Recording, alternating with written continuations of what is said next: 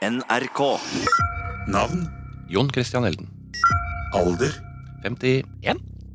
yrke, Advokat. elsker, Ja. skal slutte med, Og, og svare på korte spørsmål. Jon Christian Ellen, velkommen hit. Takk skal du ha. Du, du er altså den advokaten i Norge som har prosedert flest saker i Høyesterett de seneste årene. Går for å være Norges fremste forsvarsadvokat. Og nå senest også forsvarer for Eirik Jensen, og det skal vi selvfølgelig snakke mer om senere. Men hør nå. Å lyve sin egen løgn er bedre enn å tale en annen sannhet. I det første tilfellet er du et menneske, i det annet bare en papegøye.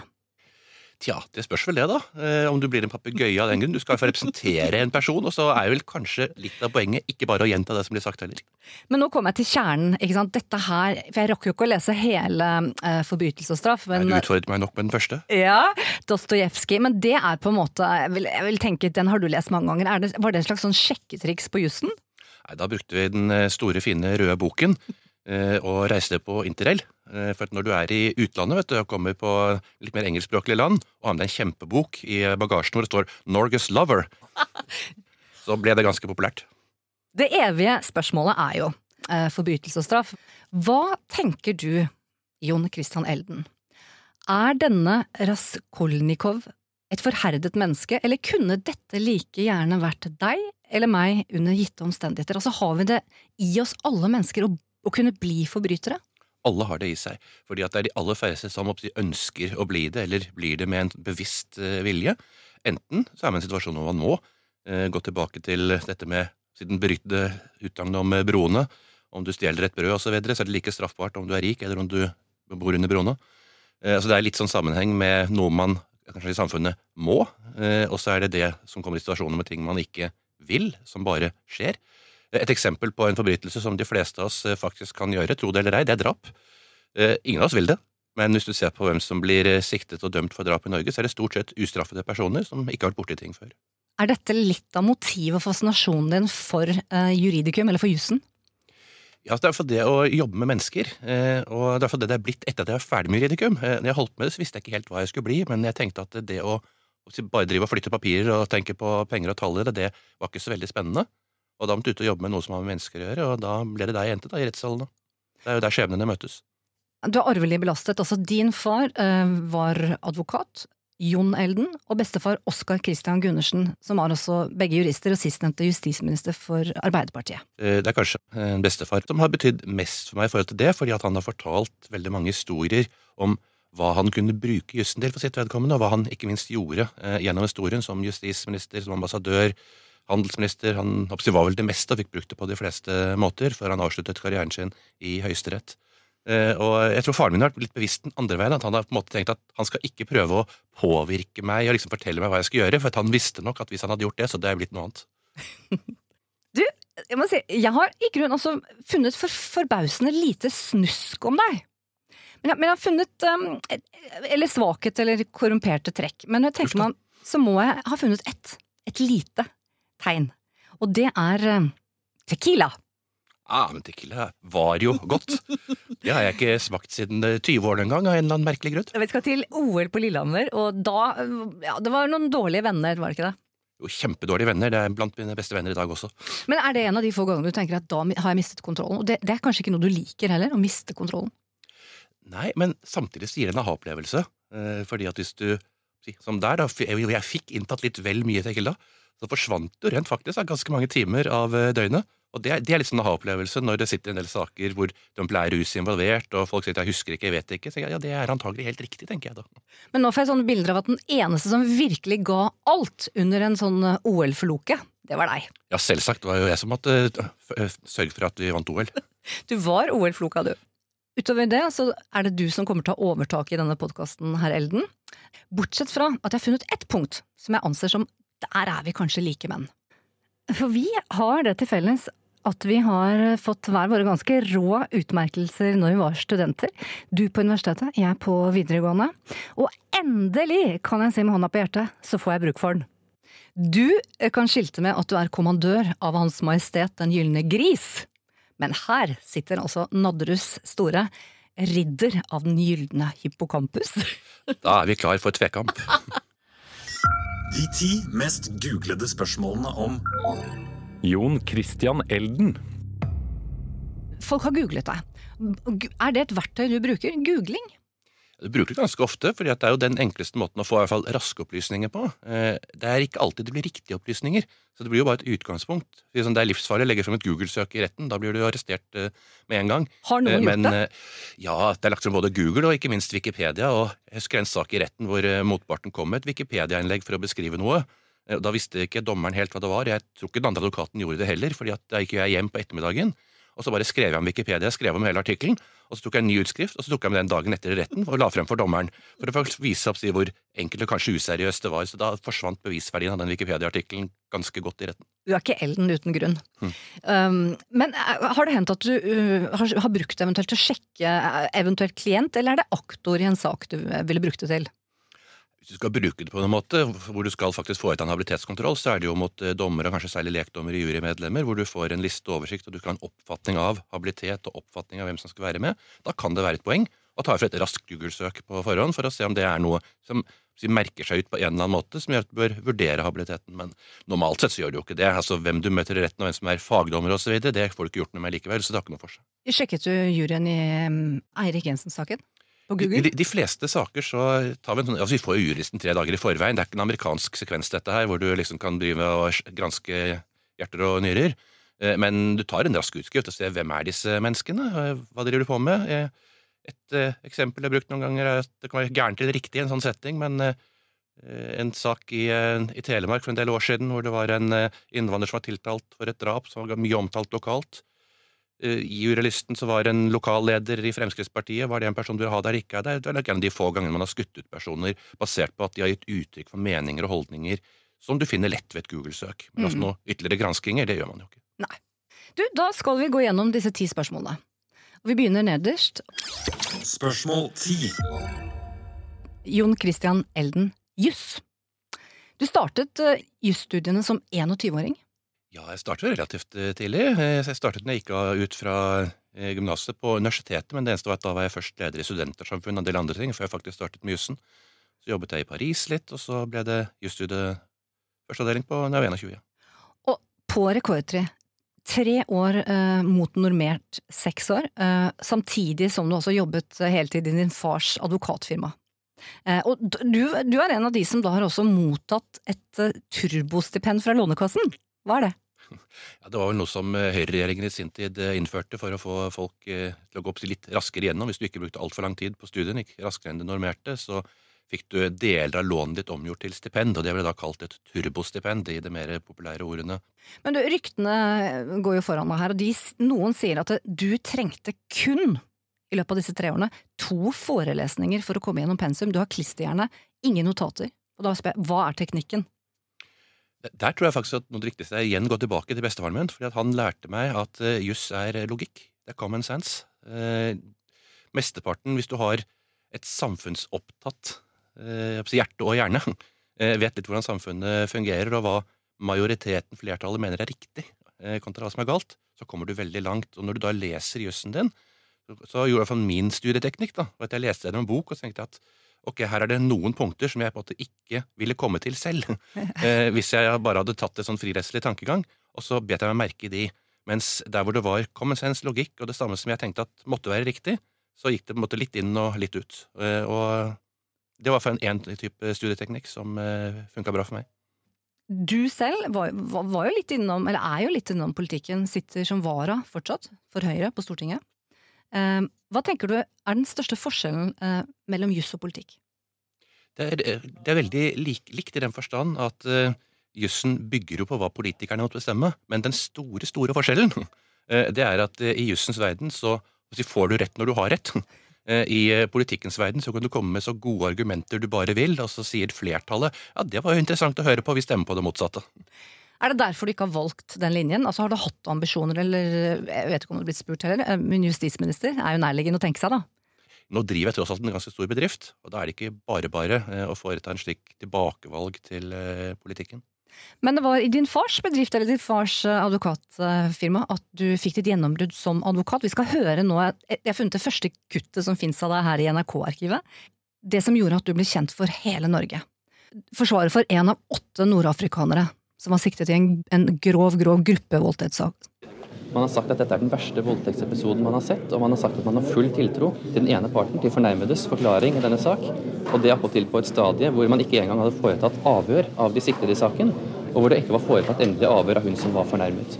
Og I den saken så var det jo eh, Oslo-politiets pressetalsmann Per Ale Hellevik og politimester eh, Willy Hauglie som virkelig ga meg en PR-løft, fordi at de lagde så mye ut av den saken og fikk den på forhånd til å fremstå som fryktelig eh, ille. Verste saken i Oslo-politiets historie.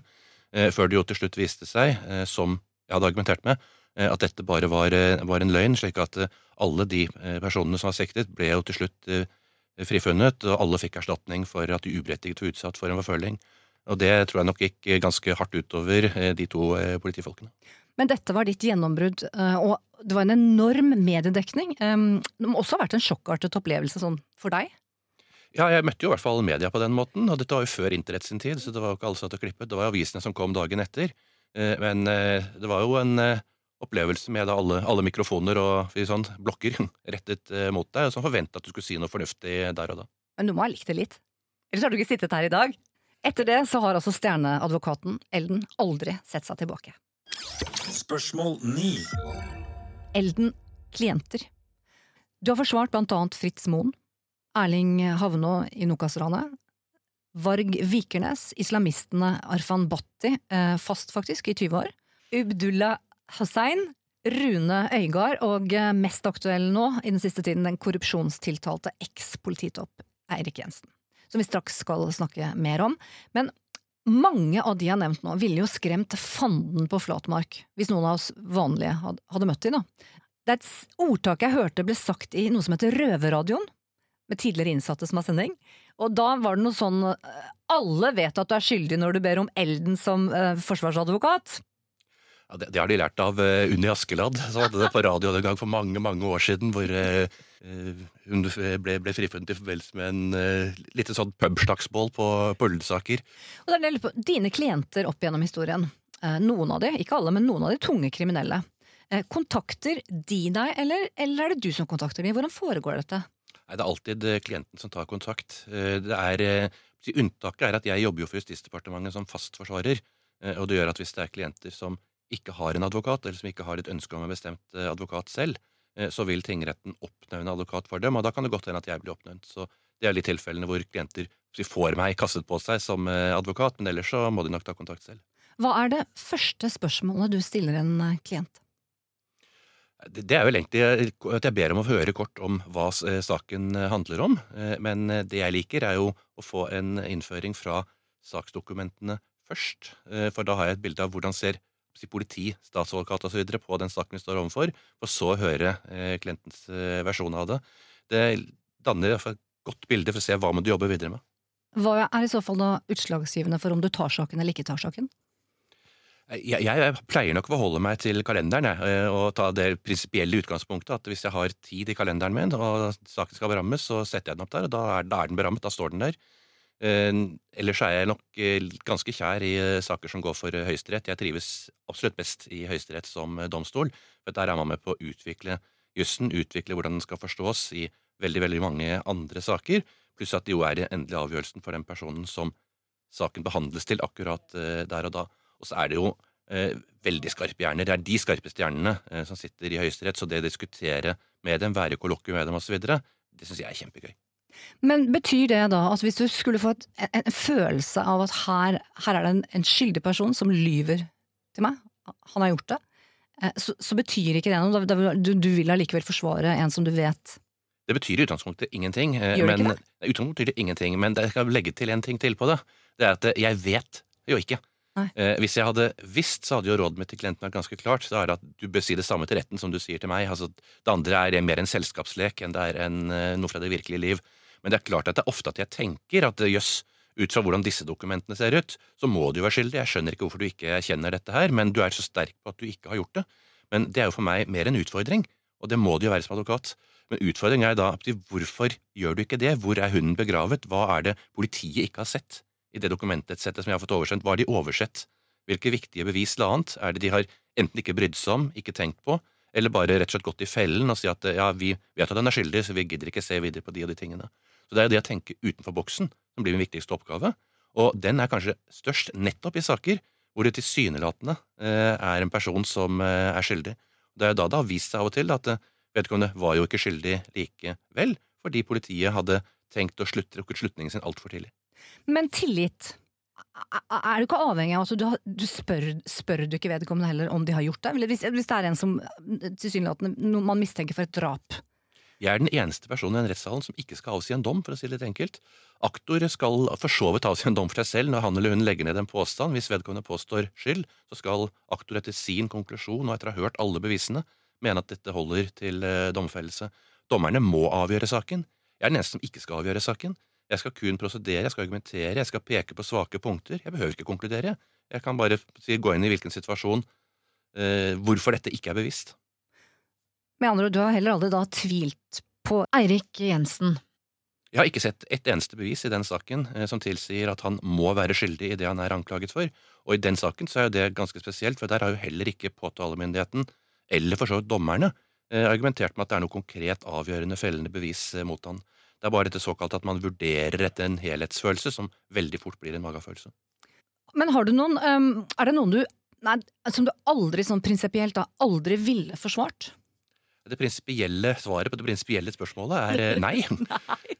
Og så er det jo gjerne sånn da at den som blir mest utsatt for en anklag, den som media har dømt mest på forhånd, er kanskje den som har mest behov for en forsvarer som tør å stå opp. Du syns det er enklere, har du sagt, å forsvare drapsmenn enn nazister og islamister? Ofte fordi du tror at eh, folk der ute eh, vil tro lett da, at advokaten deler eh, klientens syn.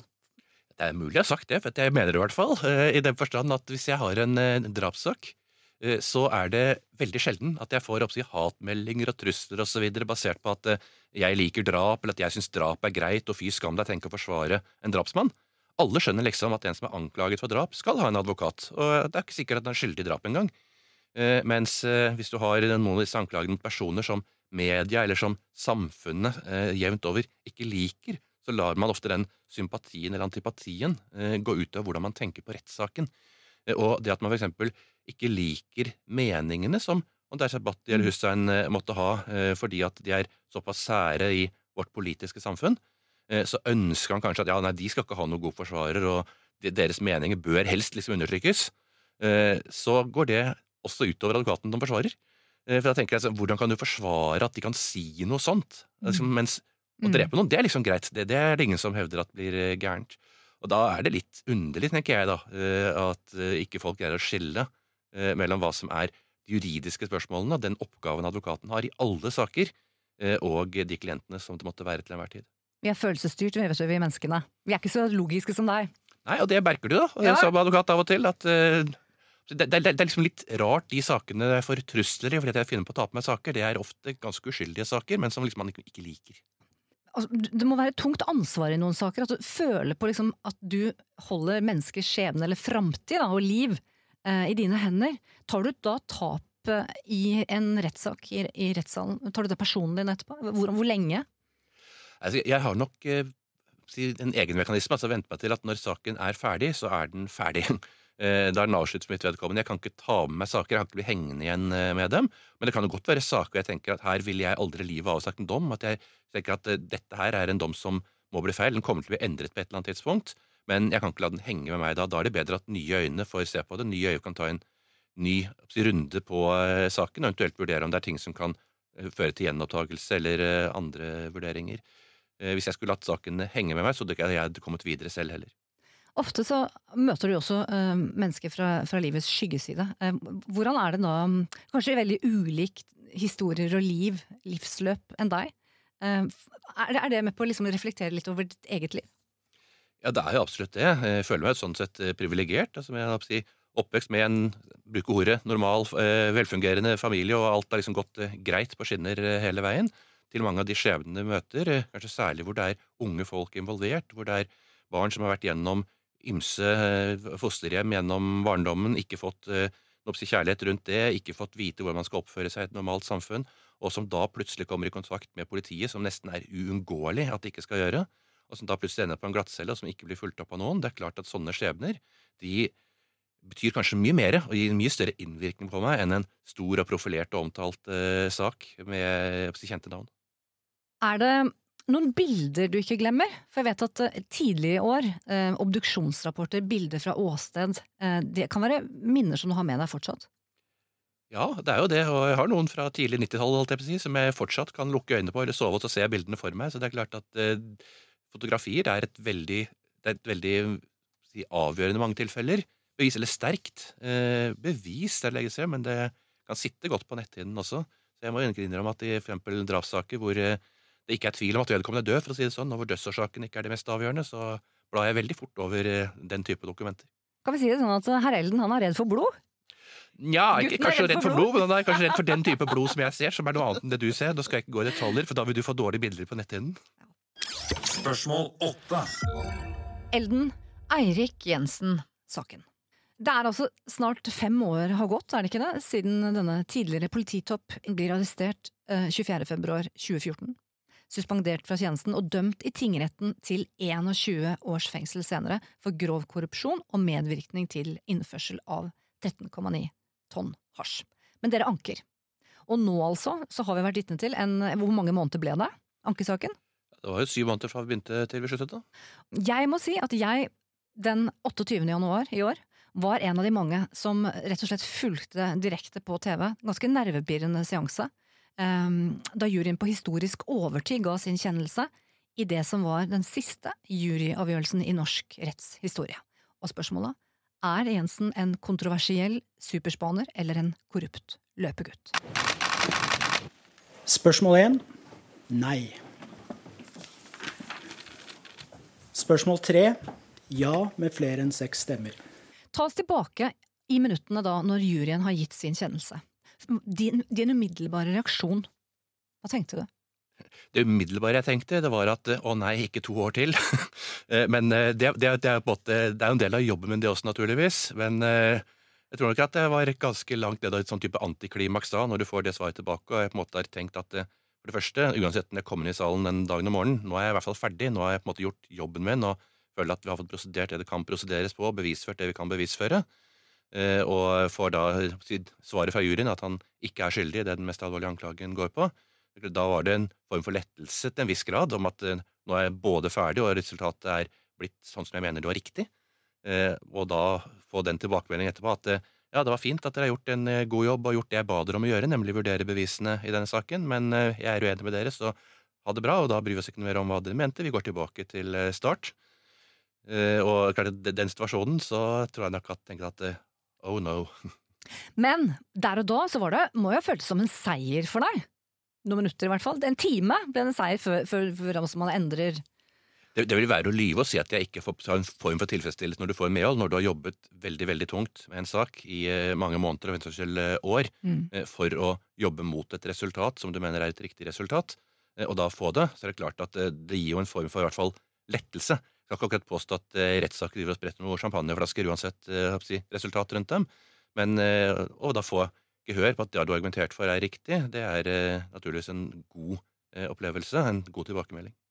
Men Du er jo en ener, og du er magisk, sier de som ser deg prosedere. Da må man stille spørsmålet hvor mye har det betydd for utfallet at det var nettopp du som forsvarte Eirik Jensen? Eh, er, er du nærmest eh, bedre i din overbevisende prosedyre enn sannheten selv?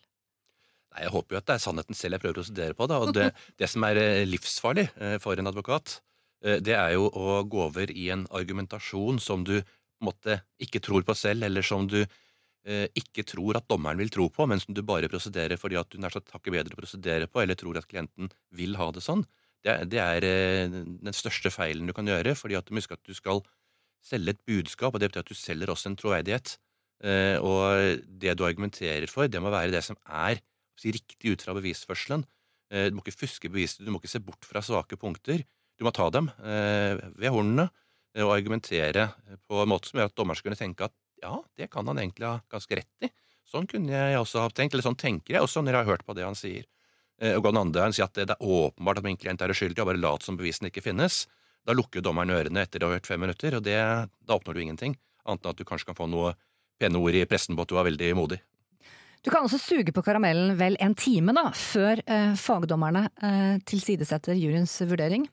Og eh, bestemmer at saken skal behandles av en ny rett. Men, de, men du har da altså anket eh, avgjørelsen til Høyesterett? Ja, Saken ligger nå i Høyesterett, og det de skal ta stilling til, det er om lagdommerne hadde anledning til å sette til side denne, dette nei-svaret fra juryen, eller om de skulle ha latt det bli eh, stående. Hva er veien videre sånn eh, tidsperspektivet her? Hva, hva tror du vil skje? Det går nok ikke mange uker før vi får et svar fra Høyesterett, eh, og hvis de er enig i at eh, lagmannsretten hadde kompetanse til å gjøre det de gjorde, og at saken må fortsette, så blir det en ny berammelse for en eller annen domstol på et eller annet tidspunkt, hvis vi finner en habil dommer, en habil domstol i Norge. Men da får ikke Elden publikum lenger. Når du skal prosedere da, så vil det ikke være en jury som Ellen kan flørte med, for du er jo litt god på det òg. Ser de rett inn i øynene du, du er jo veldig karismatisk når du fyker rundt i kappen din. Energisk. Ja, jeg, jeg prøver å snakke til alle dommerne. jeg. Tenker at det er, det er viktig om du har kappe på deg eller ikke. Eh, Det er eh, også juristene som skal eh, overbevises. Men i norske domstoler så er det jo sånn at det er alltid, i hvert fall i alvorlige saker, et stort flertall av lekfolk, eller jurymedlemmer om du vil, som er med å avgjøre saken. Og det kommer det til å være i den nye runden også, eh, hvor det er fem jurymedlemmer eller lekdommere og to fagdommere eller jurister som skal være med å avgjøre saken. Også i den runden eh, så krever det at det er minst fem eh, som mener at man er skyldig for at noen kan dømmes. Så det er en stor fordel ved hele det norske rettssystemet at den er sammensatt med personer som kommer fra det virkelige liv, og som kan se dagliglivets tvil. For det er sånn, ikke bare at det er profesjonelle jurister som tenker at alt dette har vi hørt før. Er du sliten? Ja. ja. Ja, denne, denne saken har vi, ja, vi har hatt den på kontoret vårt i, siden 2015. Eh, så det er blitt ganske mange år til oss. Det er vel fire år omtrent vi har holdt på med den. Eh, og det er klart mer intens på ulike tidspunkter. Men nå i hvert fall det siste runden mens saken gikk for lagmannsretten, og i tiden før det, så har det jo vært eh, 25 timers døgn omtrent, og bare jobbet med, med den saken for flere av oss. Og det er klart at det tar voldsomt på. Eh, hele julen kom til det, eh, og eh, veldig mye av den tiden som er eh, mens saken pågår. Tøft for deg, men ikke minst tøft for din klient som nå sitter igjen i limbo. Ja, eh, og han må jo bare se for seg to år til. Eh, Vi er eh, tross alt profesjonelle på det. Vi er tre personer som har jobbet mye med, mye med denne saken, og andre som også har bistått underveis, men tiden går. Du, kan jeg bare få høre um, hva du tenkte? Um, fordi han var jo en årrekke en av Oslo-politiets mest betrodde medarbeidere, med han ledet spesielle operasjoner, SO, gjengprosjekter. Uh, han var en krumtapp i arbeidet mot organisert kriminalitet. Når du får den telefonen, er det ikke også litt vanskelig, for han er jo en de, en, en i politietaten, da? En av dine, nærmest. Første gang du hørte det, du, ble du litt sjokkert? Overraska? Jeg ble overrasket over at eh, han kunne bli utsatt for en slik anklage. Det virket jo helt absurd ut fra situasjonen, ut fra den rollen han har hatt, og ikke minst ut fra hva som Jensen var, var kjent for, for å si det sånn, så eh, var det utenkelig at han hadde begått det han var eh, anklaget for. Men, og du stusset aldri for, for vanlige folk, da, vi som ikke kan jussens, og vi som leser aviser og hører da om penger i vegger, oppussing av bad, beløp på kontoer og ikke minst blomsterspråket på SMS, som mange tolker som mer som et røverspråk, renspikka fanteri. Du, du tenkte aldri på disse SMS-ene fra en relativt tøff machomann som han her, kjører Harley Davidson, mekker på biler, at det kommer sånn er på jobb, her er det varmt og godt, det blir fint vær i morgen. Altså, at, at det lukter litt muffens, da, litt sånn god gammeldags Olsenbanden-muffens. Alt kan settes inn i bildet Muffens, og alt han drev med, var Muffens. Han drev som informantbehandler ved Oslo politidistrikt. Eh, Han hadde kontakten med en rekke kilder, og en rekke personer som ga opplysninger, som også skulle ha tilbakemeldinger. Slik at dette ble jo bevisført i retten. Dette var en del av hans eh, hverdag, eh, ikke bare overfor Cappelen, men også overfor en rekke andre personer. Slik at det er ikke alt som behøver er mystisk, selv om det virker mystisk. Og husk at også i Olsenmannen så var det en inspektør som var politimann. Litt alvorlig. Hva slags liv vil eventuelt Erik Jensen kunne få innenfor murene? En eks-politimann. Man tenker hevnmotiv, man tenker at det er kanskje ikke en, en drømmescenario. Vi har ingen plan om å få han bak murene. Spørsmål sju. Jon Christian Elden, prosedyre. Du fotograferes ofte i aviser, eh, med, med rettskapen flagrende bak deg i en slags Batman-stil. Det er liksom din signatur. Og du trives i manesjen. Ja, altså jeg, jeg tenker jo at uh, rettssalen er på mange måter en uh, teaterscene. Det er bare at det er en reality du spiller, at det skal være si, sannhet og virkelighet som ligger der. Men uh, det er jo det å få noen til å høre på det du sier, virke overbevisende på det du gjør, og ikke minst ha et solid fundament, både basert på juss og faktum. Men du bruker også standupens virkemidler. Du er jo en ener på sånne one-linere. Ja, du, du skal få et budskap til å sitte, og det betyr at du må naturligvis ha bestemt deg for hva er budskapet. Eh, Det er ikke om å gjøre å ha flest mulig ord, men det er om å gjøre å ha en mening bak det du sier, og så må du catche de tingene som har vært sentrale gjennom rettssaken, sånn at dommeren ikke sitter der med tanken om at eh, det er han over, og det er han over, men det var jo det avgjørende for saken.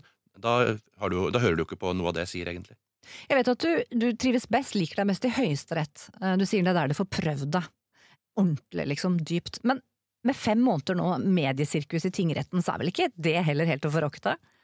Du, jeg skulle egentlig helst vært uten fem måneder i mediestyrkestingretten, for at det legger et sånn type ekstrapress på deg eh, hver enkelt dag. Altså, det er med på å gjøre det slitsomt. Er det det? Jeg tenker jo at eh, i eh, mange saker hvor jeg er, hvor jeg kan gå inn og ha en endagssak eller en ukes sak med en person som media aldri har hørt om og ikke bryr seg om, er eh, mye mer lettere for skuldrene er mye lenger nede i en sånn setting.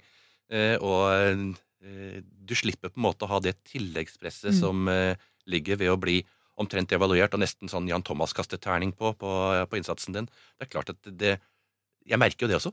Det forstyrrer. Det tar vekk fokus fra jobben som skal gjøres. Ja, altså det, er den varianten hvor du også har i gjensak med overføring av prosedyrer på TV, eksempel. Eh, I hvert fall de første gangene jeg var med på det, så merket jeg med meg selv at, at jeg tenkte at ja, nå må jeg passe på, for nå prosederer jeg til flere enn eh, dommerne. Og det, er veldig feil tanke. Og den er på en måte etter hvert da greid å skyve fra meg igjen, heldigvis. Men det er klart at det gjør noe med hele situasjonen at eh, noen hele tiden ser over skulderen din. Men det vet at av oss to, maktbalansen her, det er kun du som har vunnet Gullruten Der kan du se. med Åsted Norge. Så du har jo en viss medietrening her, Elden. Eh, Men når du jobber fram den perfekte avslutning eh, på en prosedyre, er, er det noe som kommer, noen av disse kommentarene som bare kommer der og da, litt så impulsivt, eller er det skrevet og, og liksom nitidig? Jeg er nok den typen som aldri skriver. Eh, slik at eh, I høyden har jeg noen gule lapper med noen stikkord på en Post-It-greie. Eh, men det betyr ikke at jeg ikke har en struktur. Nei. altså, jeg, har- det er klart, Dette er noe du må tenke nøye igjennom. Du må vite hva du skal innom, hva som er budskapet ditt, hva du vil ha frem. Formuleringene kommer nok veldig ofte litt sånn på stående fot. Men innholdet av budskapet er du nødt til å vite. Og da putter jeg det i hodet, og der, der ligger det godt til jeg er ferdig med å få det ut igjen. Det er vel ikke mange som gjør etter deg. Det er min stil, så vi får se. Men, Det skal være muntlig. Det, er det som ofte blir feil i rettssalen, er når du kommer med skriftlige manuser og leser opp. eh, Det blir eh, dessverre av og til kjedelig, og i hvert fall hvis du da i tillegg er litt sånn på siden av de sentrale punktene, så eh, merker jo jeg som også sitter i retten og hører dette, at det kan falle ut. Og det, det er ikke så bra. Hvis dommerne også faller ut på samme tidspunkter, så forsvinner argumentene dine. Du er nødt til å på fokusere på det som er viktig. men er det bra med latter, syns du, i underveis i ganske alvorlige saker? Du er jo flink til å få inn en, en del kommentarer, men, men gjør det seg egentlig i en rettssal? Jeg, jeg, jeg tenker at det gjør seg nær sagt i alle rettssaler, men kanskje ikke på feil tidspunkter. Nei, At det er litt så viktig. hvor man har det. eh, Men eh, det å de får folk til å få skuldrene litt ned eh, og slappe litt av, det, det tror jeg gjør seg i enhver sammenheng.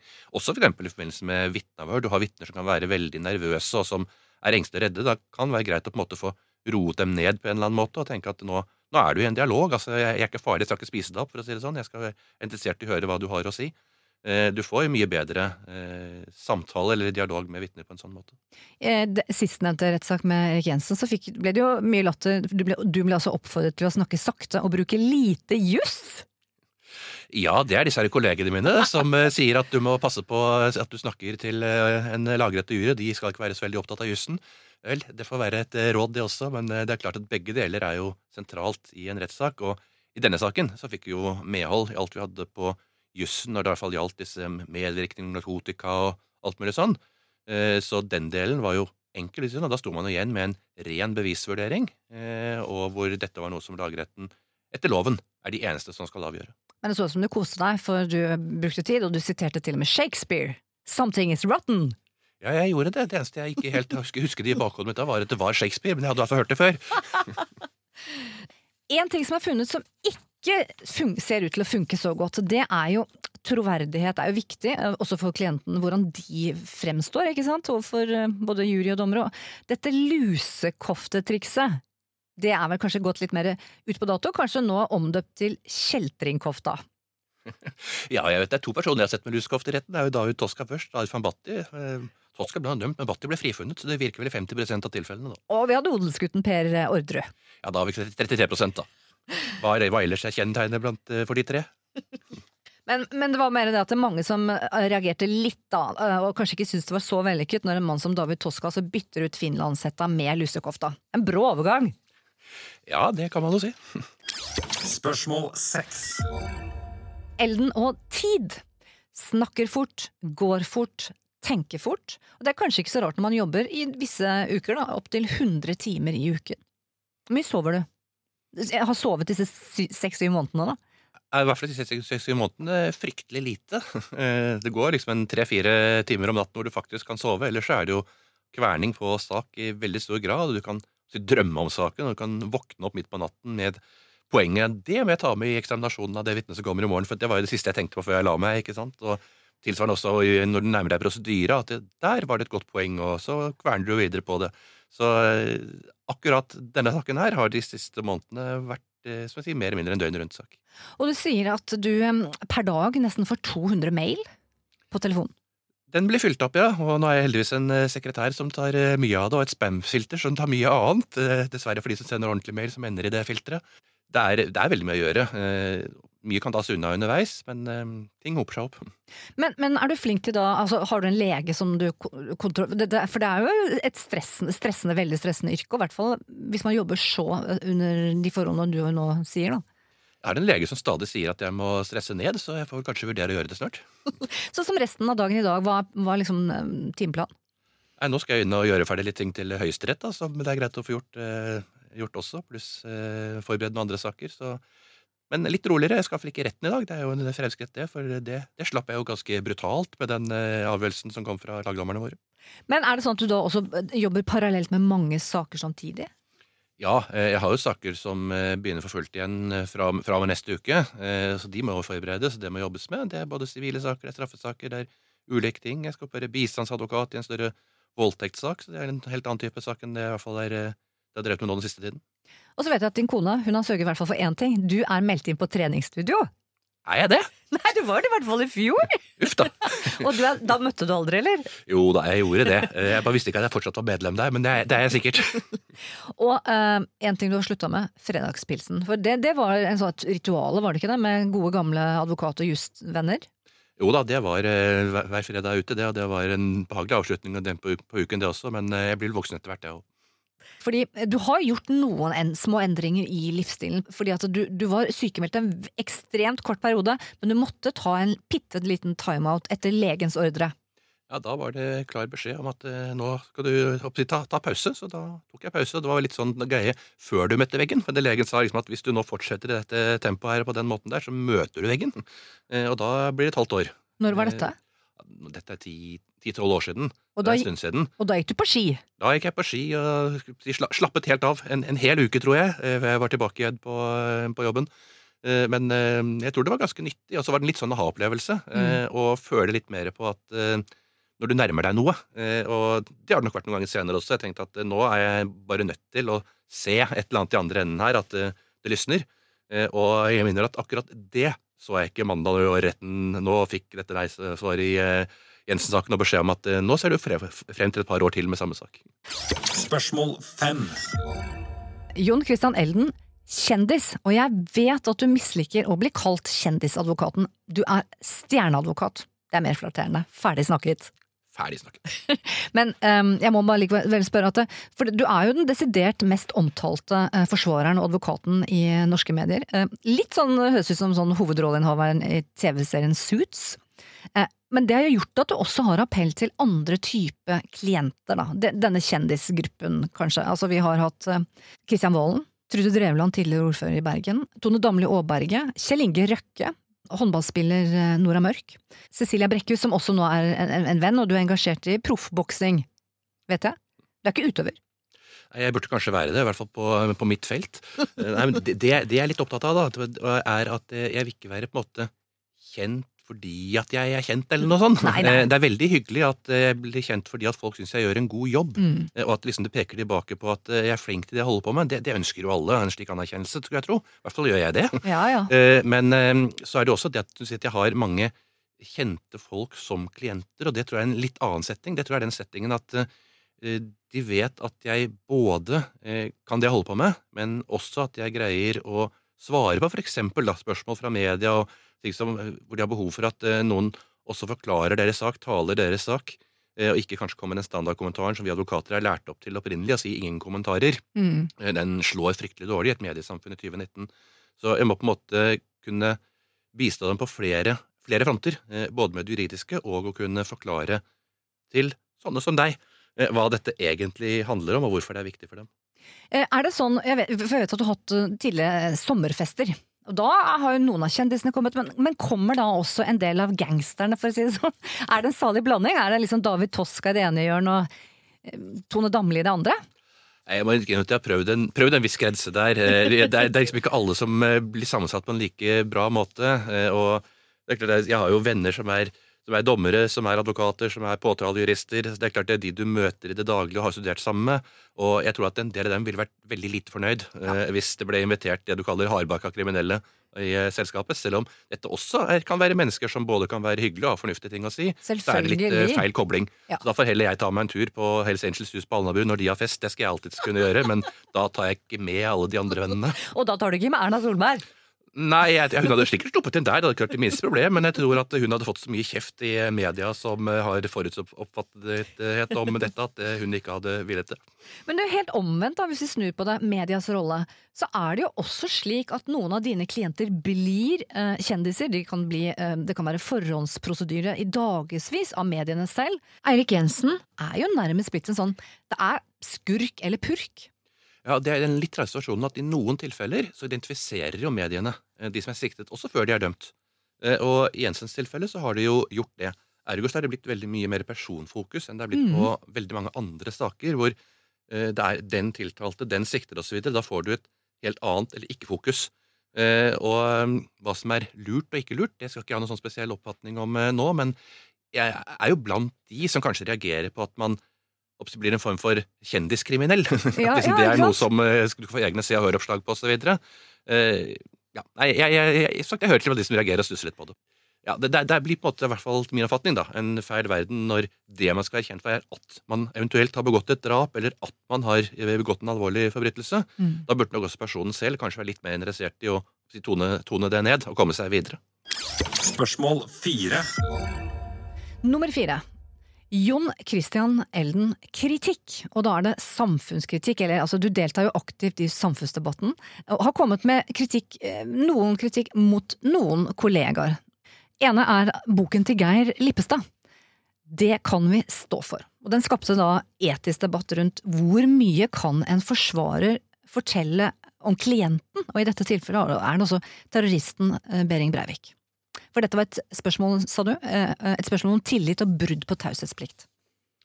Ja, altså, jeg har jo fått en rekke henvendelser fra forlag jeg også gjennom årene om jeg vil skrive bøker og skrive om saker eller snakke om saker osv. Eh, og jeg har nok konsekvent sagt nei til det, og kommer til å fortsette å måtte si eh, nei til det, fordi at eh, hvis jeg skal gå utover hva som har vært i det offentlige rom på forhånd, så er det et brudd på en lojalitetsplikt du har til eh, klienten din. Eh, og det kan også være brudd på taushetsplikt. Man skal være veldig varsom med en situasjon å utlevere egen klient. Ja, altså advo- Advokaten skal være klientens uh, mann i dette. Du skal sagt ikke identifisere deg, men du skal aldri gå ut mot din egen klient. Da skal du heller holde kjeft. Uh, og det medførte jo en kanskje litt heftig dialog mellom meg og Lippestad på det tidspunktet, hvor jeg fikk eh, kjeft for å være rosa-blogger, men det medførte at jeg etterpå kalte bloggen min for Jussens rosablogg, så vi er jo blitt ganske gode venner etter hvert, vi. Gjorde du det? Ja, jeg syns det var et glimrende karakteristikk. Så det var en tragisk vannskuterulykke, eh, Vibeke Skofterud. Eh, Og der var du veldig, veldig kritisk til at politiet i ettertid altså går ut med um, hvor mye promille hun hadde um, da hun omkom. Ja, Det er flere grunner til det. For det første det rent etiske. Eh, hva i alle dager har oppstått i offentligheten med en sånn detalj å gjøre for et person som er avgått ved døden? Det er ikke noe straffesak lenger. Det er ikke behov for at politiet er en allmennkringkaster og går ut med opplysninger fra konfidensielle straffesaker. En annen ting er at opplysningene er jo feil. eh, fordi at det eneste den har jeg håper å si, analysert, eh, det er hvordan man har analysert et blod på et tidspunkt når blodprøven tas, og hva man får ut av den da, som ikke sier noe om eh, kjøretidspunktet i eh, denne saken. Så det er en rekke feil både ved målingen og det inntrykket som da blir skapt hos eh, folk flest om at ja, ja, hun kjørte i fylla. Det Mm. vet man altså ikke, og man har ikke noe med å vite det. Jeg syns det må være vanskelig for kanskje for media når politiet velger å gå ut og si at nei, dette ønsker vi å sensurere bort. Jeg tror ansvaret etter min oppfatning ligger hos politiet. Og så, debatten har altså rast rundt ytringsfrihet, humor og podkast. Eh, hva mener du som advokat og jurist? Bør podkaster underlegges samme redaktøransvar som, som, som resten av norsk presse, eller skal det være en sånn frisone for ytringsfrihet? Problemet per i dag eh, er at det finnes jo ikke noe klar grense mellom hva som er media, og hva som si, privatpersoner da, legger ut på internett, som får akkurat samme spredning. Denne såkalte influenserdebatten som vi har sett nå, hvor det er et nytt, fint ord man hadde funnet ut, det betyr vel bare personer som når frem til flere på en eller annen måte, mm. eh, som eh, ikke er underkastet noen medieretningslinjer. Hvor går da grensen når du lager en podkast? Hvis du lager den fra NRK-huset, så er du antagelig underkastet eh, diverse regler, men hvis du bare sender den ut på din egen hjemmeside på, eller bloggside på internett, så er du vel ikke underkastet noen tilsvarende regler. Kanskje burde man heller sørge for en litt mer samordning mellom hva som er de presseetiske reglene, og hva som er de juridiske grensene, eh, slik at man får litt samme type kjøreregler å forholde seg til. Men jeg syns at det helt grunnleggende her er noe som heter god folkeskikk. da. Eh, Og det, det går an å holde den, uansett om man er privat eller om man jobber i eh, NRK. Eh, Det er ikke alt man behøver å legge ut for å prøve grensene av type sjikane og ting som oppfattes negativt om andre. Man kan godt være litt romslig, litt raus, og ikke bygge ned mennesker ved å henge dem ut, sjikanere dem eller gjøre ting som oppfattes negativt. Og bare for å vite det, hva sier loven egentlig om injurie? Injurieloven er jo faktisk nå opphevet i strafferettslig sammenheng, slik at du kan, du kan si, rettslig sett injuriere noe uten å komme i fengsel. Du kan godt komme til erstatningsansvar. Eh, Og hvis injuriene dine er så sterke at det blir eh, sjikane eller krenkelse av privatlivets fred, ja, da kan du fortsatt eh, bli bøtelagt, og politiet kan stoppe deg, men det skal Da ringer du Elden! Ja, ikke sant? Da skal vi se hvilken vei vi går. Da, ja, da, da får jeg ta en runde med Jon Wesselås i retten, så får vi se da hvem Si nummeret ditt her og nå. 909 30 775. Send SMS Better Call Soul. Spørsmål tre. På tredjeplass, eh, Jon Christian Ellen, dette må jo din fru, din bedre halvdel, synes er flott, for det er jo pallplass på uh, konen din som heter Sol. Søtt navn. Blir ikke bedre. Ikke Alltid sol hjemme. Det er fordelen å alltid ha sol. Det er jo en melding som Erik Jensen kunne sendt også. Du har litt sånn, dere har litt humor. Det er greit å ha. Eh, Har han sånn? Kan han tulle med det? Han har ikke sol. Dere er begge advokater, forstår hverandres eh, livsstiler. Eh, men jeg forstår at det er hun, hun som sørger for at du alltid har varm mat på bordet. Å ja da, hadde vanskelig greid seg uten henne, på måten hun si, varter opp og følger opp og passer på meg. Er det litt sånn i yrkene deres at grensen mellom jobb og fritid viskes ut? Også naturlig nok fordi at du elsker jo jobben din og ser på det nærmest som fritid også, jeg vet ikke. Er du flink til å tenke liksom nå, nå må vi ta en frihelg, nå må jeg sette av en lørdag, liksom? Ja, jeg prøver i hvert fall å gjøre det, eh, men også da blir det litt kombinasjoner. da, Sånn som nå på lørdag så har jeg forsvarervakt parallelt med at jeg liksom skal ha fri. Men jeg kan jo håpe at det ikke kommer noen slemme mennesker inn på den dagen, eller noen som blir beskyldt for å ha gjort noe gærent. Så blir det fullt fri. Må du, Så må det er varierende. Jobbe, du, du som er så rik, altså må du jobbe og telefonvakt på en lørdag, Elden? Ja, Justisdepartementet pålegger meg det, så da får jeg gjøre det. da, Så lenge jeg har det oppdraget for departementet som fastforsvarer, så må jeg jo ta den type oppgaver. og det er vel ingenting du blir rik av dette. Hadde jeg blitt rik, så hadde jeg kuttet ut hele strafferetten og alt som har med offentlige saker å gjøre i det hele tatt, og tatt eh, firedobbelt salær på brygga, men det er mye mer gøy, det jeg holder på med. Men eh, for meg da, så høres sånn telefonvakt på lørdag, da, høres ut som det er nesten som å jobbe på legevakten. Da, da får du inn eh, slagsmål og fylla ting da, kanskje? Ja, da får jeg en vanlige mennesker, vanlige folk som har fått vanlige problemer, og ingenting er jo mer si, bra enn det. Holde bakkekontakten. Men er det sånn at jeg har skjønt at, at lørdagen er litt hellig for dere på kvelden? Da, noen timer i hvert fall? Ja, og det er forhåpentligvis resten av lørdagen også, de fleste tilfellene. Spørsmål to. Advokatfirma Elden. Er det også søkeord, ja? Men det er bra. Det er på sølvplass! Andreplass! Det er jo veldig bra! Ja, Det er jo de flotteste menneskene som jobber der. Men det tyder jo på at businessen må gå veldig bra, hvis det er det som folk eh, nest mest søkte på Elden, da. Det syns jeg var veldig hyggelig, fordi vi er jo blitt et ganske stort firma etter hvert. Vi har masse advokater, masse dyktige folk som jobber med alle mulige typer forskjellige saker. Så Da kan jeg være stolt av at det er blitt et bra søk. Men eh, jeg er jo heldigvis i den situasjonen at jeg ikke er en form for daglig leder på kontoret. Der har jeg andre dyktige mennesker som eh, jobber for meg, og som tar seg av at eh, kontoret går rundt, slik at jeg står i retten. Det er det jeg trives med. Eh, Jeg er ikke så flink til eller glad i å administrere. Eh, Jeg er mer glad i å stå og prosedere og forholde meg til enkeltsaker. Men det må i hvert fall bety at kriminaliteten i Norge, den går glitrende. Flott. Kriminaliteten går eh, glimrende, og det er også en hel haug av sivile saker. fordi det vi driver mest med, er jo eh, prosedyre. Eh, altså tvister. Er like så mye sivile tvister som straffesaker, selv om det kanskje er det siste mediene skriver mest om. Og du har mange klare sånne ikke-profilerte saker. Um, jeg fikk et sånt bilde av deg, en slags sånn Robin Hood på nattestid, fordi du kjemper mot ure urettferdigheten og den lille manns kamp mot det store systemet. Det er viktig for deg. Da syns jeg du har fått et veldig bra bilde. Da må en eller annen form for eh, PR eller markedsføring være vellykket. Eh, Nei, men det, det, ligger litt i det, sagt. Jeg kan trives like så godt med en eh, jeg si, liten innbruddssak eller eh, liten pro promillesak for den saks skyld, hvor det er noen som prøver å kjøre over eh, en person. eh, Og gå rett med dem og ha den tilfredsstillelsen det er å kunne bruke kreftene mine på, på å med den. Vel så mye som disse store profilerte eller kjendissakene som eh, media kaster seg mye mer over. Men med all verden er det som får uh, selveste Jon Christian Elden altså, til å Jeg vet ikke om det var en lørdag heller, jeg var på sånn telefonvakt, men altså engasjere deg i at det var en um, klient uh, i Ringerike fengsel uh, som altså hadde de ansatte i fengselet ved en feiltagelse hadde kastet et par sko til 300 kroner som han altså ikke fikk erstatning for. Den saken tok du.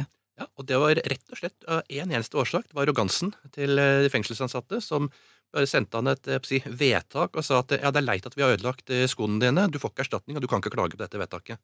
Så da tok jeg stevning for Oslo tingrett i stedet for.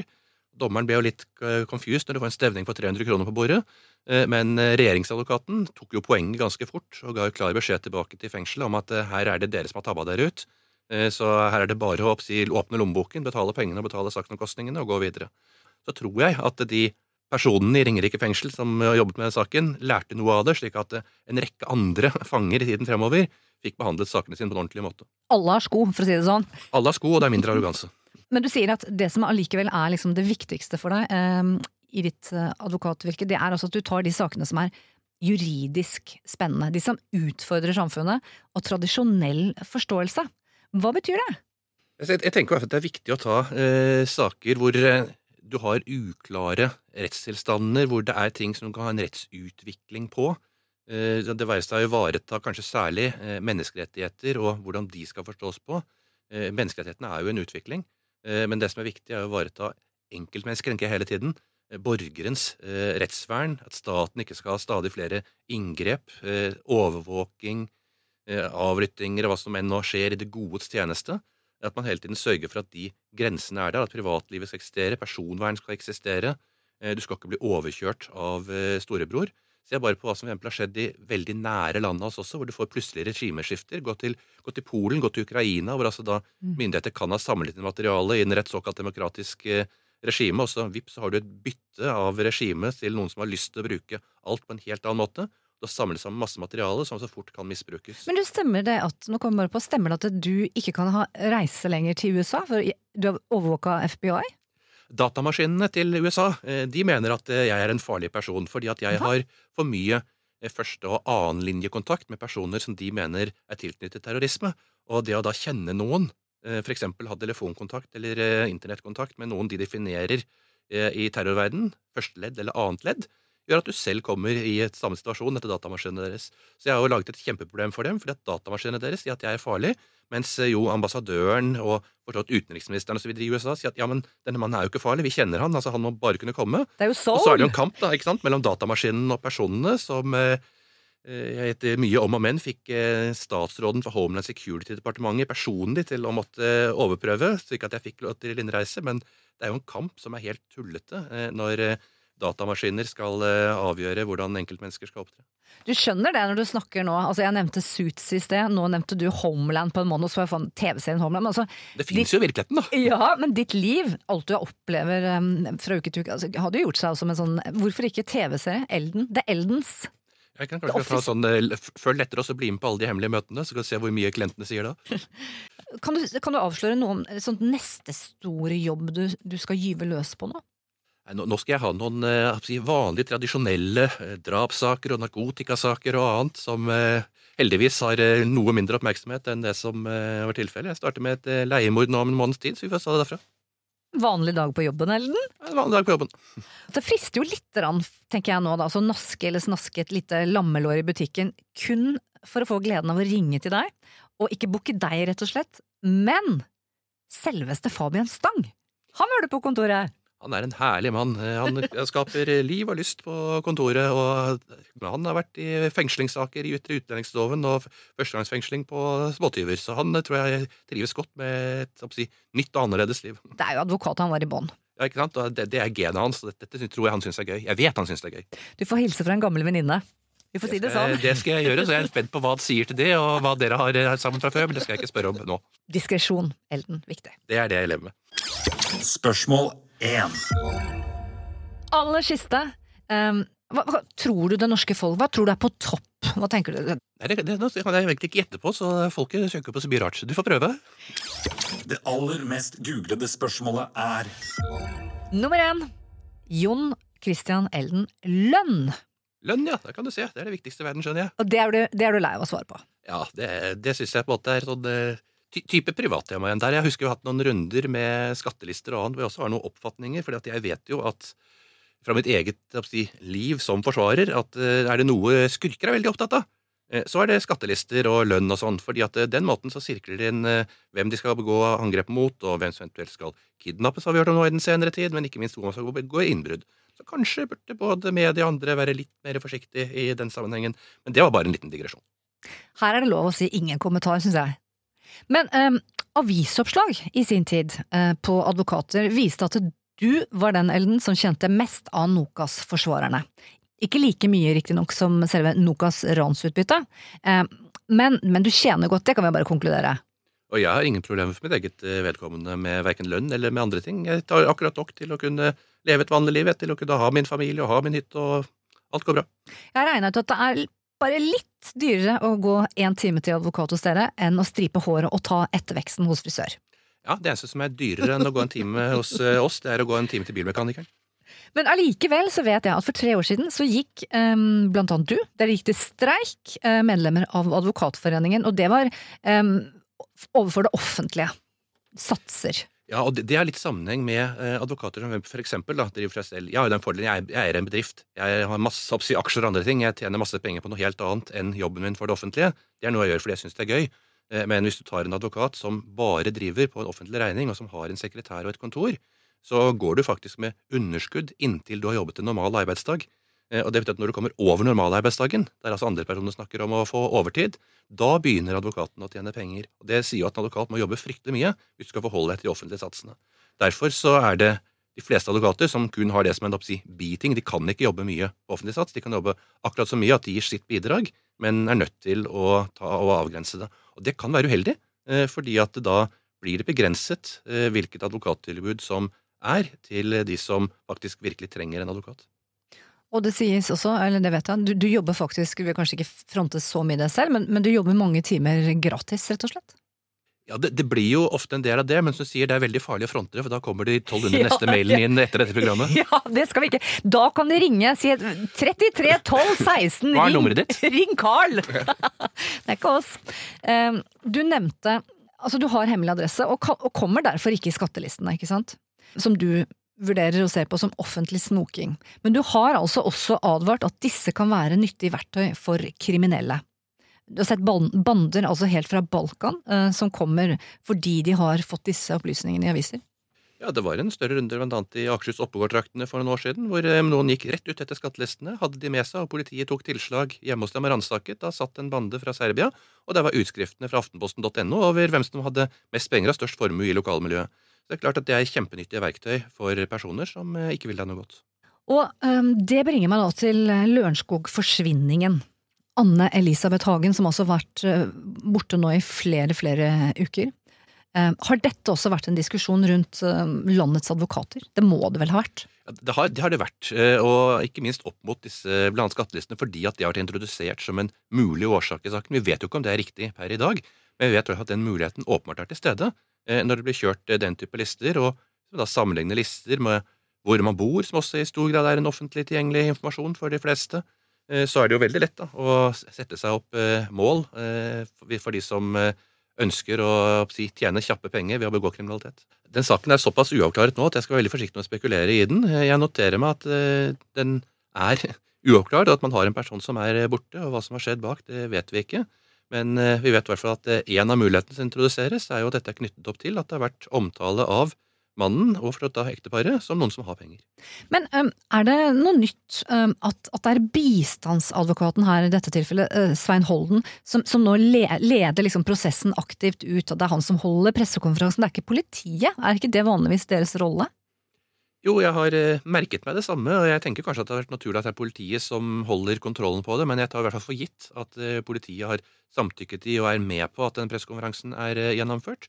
Men det var vel kanskje viktig for familien da, å få frem det budskapet som de vel har kommet med ganske klart og indirekte, at for guds skyld, oppsi, hvis man sitter med henne, ikke gjør noe med henne, kom heller i dialog med oss. De har på ingen måte avvist at det i så fall vil være med å betale løsepenger for henne, og det er en forståelig og naturlig at eh, pårørende har den eh, holdningen, at man ikke slår hånden av eventuelle kidnappere, som jo kan være med å gi en dødsdom i stedet for. Så jeg, jeg skjønner at de gjør det eh, i den situasjonen som de tilsynelatende er i, men det er ganske uvanlig. Foreløpig så er det kun Nettavisen og ABC Nyheter som publiserte en sak som, hvor politiet gikk ut og bekrefter at de nå ser etter ulike teorier, ulykke, frivillig forsvinning eller drap som alternative teorier. Alle andre norske medier har vært tause. Eh, Kan nærmest få inntrykk her av at pressen er kneblet, og da må jeg spørre deg, skjer det i Norge?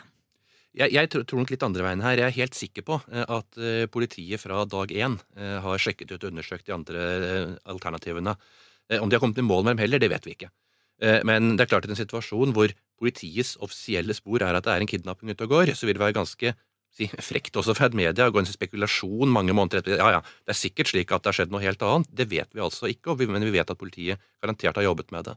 Så jeg tror at vi skal la andre spekulasjoner være si, i fred inntil man får løst uh, saken. Så får man se hva som har skjedd. Men det er klart at alle muligheter her er åpne, men det vet politiet. Eh, Helt til slutt nå, eh, så føler jeg vi må bare ta nummeret en gang til. God stemning av det. Hva ringer man? Da ringer du 909 30 775 eller send SMS Better Call Saul. Vi ringer, du ringer. Nå må du, nå må du ta litt fri, nå må du senke skuldrene. Det har du virkelig fortjent. Et så hardkjør på jobben. Eh, Vi vil deg borger, det har vi fortjent, var det ikke sånn det het? Og jeg vet at du skal til Frankrike. Er det, er det business eller pleasure?